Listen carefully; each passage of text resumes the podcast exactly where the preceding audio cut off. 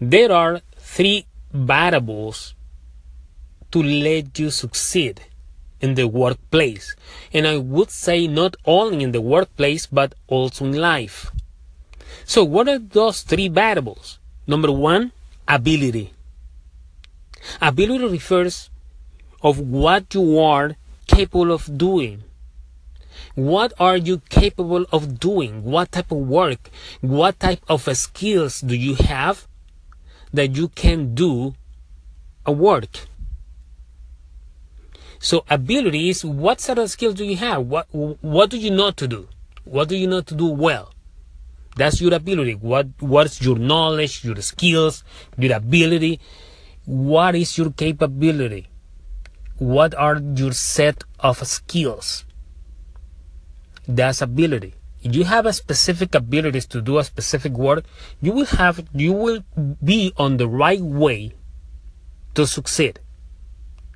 So you need a set of skills that you can implement at any work.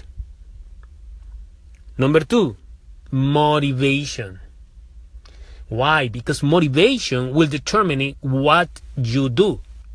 Because it doesn't matter you had the ability, you had the capability of doing something, but if you don't have the motivation to do what you have to do, your ability doesn't do anything.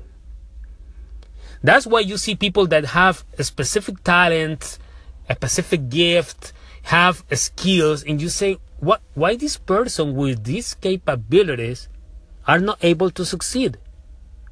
Why these people with so with such knowledge, with such skills, don't succeed? Because they don't have the motivation to do what they have to do to succeed. So you had now the ability, now you had the motivation to do, okay, I have this set of skills, I'm gonna use it. I'm gonna use my knowledge, I'm gonna use my capabilities to do this work, to do what I have to do to succeed. That's motivation. And the third variable is attitude.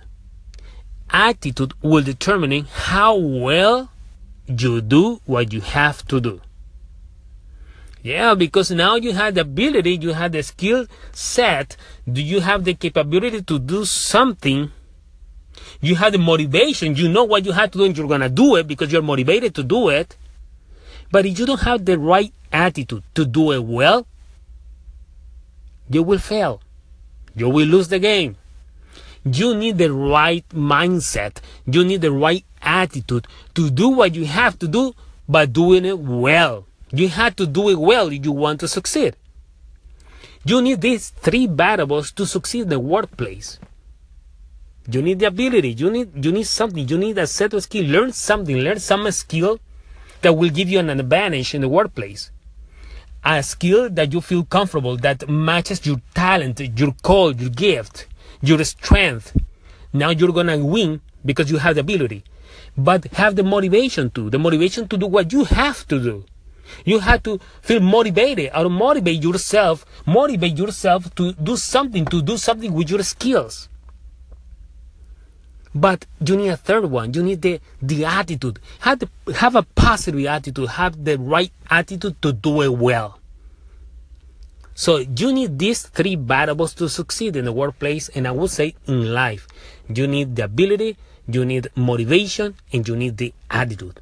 If you combine these three variables, you will have success.